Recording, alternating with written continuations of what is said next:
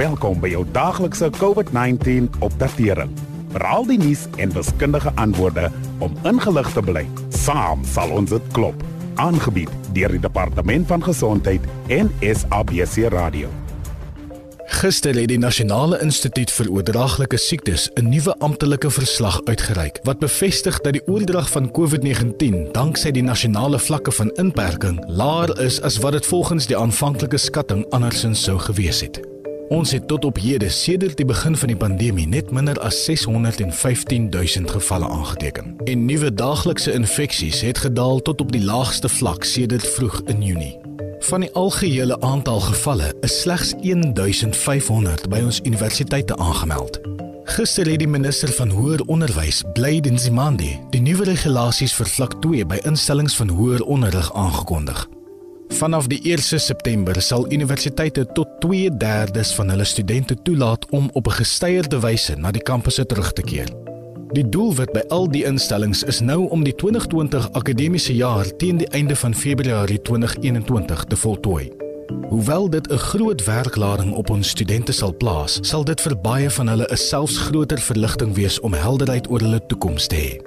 COVID-19 het ons almal se lewens op talle maniere geraak. Bo en behalwe die kommer oor ons gesondheid, het die pandemie ook 'n direkte invloed op ons lewens gehad as gevolg van die verlies van werk, onsekerheid, spanning oor ons finansies en die gevolglike isolasie.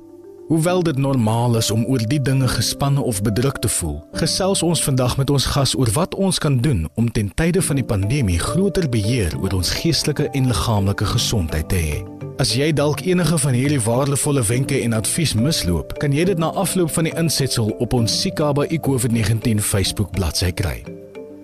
En daardie gas is David de Kok, vrywillige beraader by Masitete Beradingsdienste in Oos-London. David het voel omtrent asof die winter sy tol geëis het so tussen die koue en die pandemie. Hoe gemaak om my gesondheid so bietjie van 'n hupstoot te gee? Ons almal is vanjaar onder druk. En hoe meer afgerem ons voel, hoe groter is die kans dat ons baie siek sal word as ons COVID-19 kry. Maar klein, volgehoue veranderingkies kan sommer in 'n japtrap 'n groot verskil aan ons gesondheid maak. Die sleutel lê in die woorde deurlopendheid en matigheid. Jy weet om gesonde goeders te doen wat jy kan volhou. Dis nie 'n naloop nie. Dis 'n maraton, maar jy kan langs die pad stop om die blomme te ruik. Goed, maar hoe begin ons? Geef ons 'n bietjie praktiese raad. Wel, dis maklik. Fokus net op drie goed. Eerstens, watse brandstof voer jy jou liggaam? Dis nou kos en water. Tweedens, op watter maniere gee jy jou brein die blaaskanse en stimulasie wat hy nodig het? Dis jou geestesgesondheid. En laastens, hoe beweeg jy jou liggaam? Dis oefening. So dis die maag, brein en liggaam. En baie van die goed wat jy vir een doen, help ook vir die ander. As jy gaan stap, oefen jy jou liggaam maar dit help jou ook om te kalmeer en stres te hanteer wat goed is vir jou brein. Kom ons fokus so 'n bietjie op daai aspekte een vir een. Wat kan ek doen om oor die algemeen gesond te bly veral nou met die pandemie? En hoe kan ek my gesondheid verbeter om te keer dat ek siek word of uh, om dan te herstel?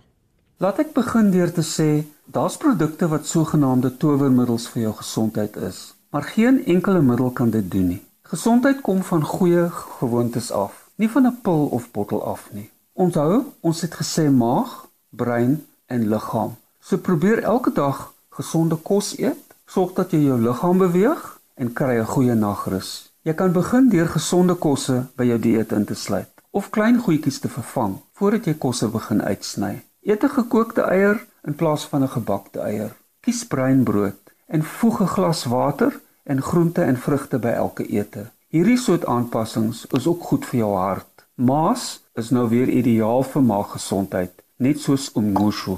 En probeer minder gemorskos soos lekker goed en aardappelskyfies eet. Ek glo nie daarin om al die gesogenaamde slegte kosse uit te sny nie, maar dit moet 'n spesiale lekkerny wees, nie ons daaglikse dieet nie. So eet dit net in matigheid. As jy die hele dag lank sit, maak 'n punt daarvan om elke nou en dan op te staan en te strek. En as jy kan, gaan stap 'n entjie. Dis uitstekend. Oefening, veral buite in die vars lug, sal jou ook help om te ontspan en snags beter te slaap. Jy het vroeër gepraat oor 'n goeie nagrus. Kom ons praat bietjie meer oor slaap. Dis asof mens nie genoeg daarvan kan kry nie.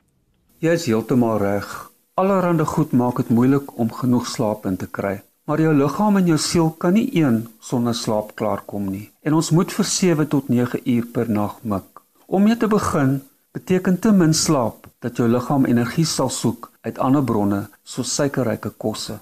As jy sukkel om te slaap, begin 'n eenvoudige slaaptydroetine deur net 10 minute op sy te sit voor jy in die bed klim. En dan ignoreer jou foon, verdoof die ligte Borsel jou tande en sodra jy in die bed is, haal stadig en diep asem om jou liggaam en siel te kalmeer. Fokus op hoe jy op daardie oomblik voel, nie op wat alles môre vir jou wag nie. Waar kan ek meer inligting kry oor al hierdie dinge wat jy nou aangeraak het? Jy kan saamgesels op ons Sikaba eCovid-19 Facebookblad en jou eie idees met ander deel en weer by hulle leer. Die Hartstigting het baie goeie inligting op hulle webwerf met resepte ook. heartfoundation.co.za Dit was David de Kok, vrywillige beraader by Masitete Beradingsdienste in Oos-London. En hierdie praatjie sal so bietjie later op ons webblad beskikbaar wees as 'n potgooi. Gaan maar net na rsg.co.za en dan na die potgooi afdeling. Jy gaan na S vir Spitstyd en uh, onder daai logo sal jy dan al die programme kry wat gepotgooi word in Spitstyd onder andere hierdie die COVID-19 insetsel. Sluit weer môre by ons aan wanneer ons gaan praat oor veiliger maniere om tydens vlak 2 te sosialiseer. Dankie dat u geluister het na die daaglikse COVID-19 inligtingstuk aangebied deur die Departement van Gesondheid en SABC Radio in samewerking met die Solidariteitsfonds. Wees veilig, bly gesond. Saam sal ons dit klop. Suid-Afrika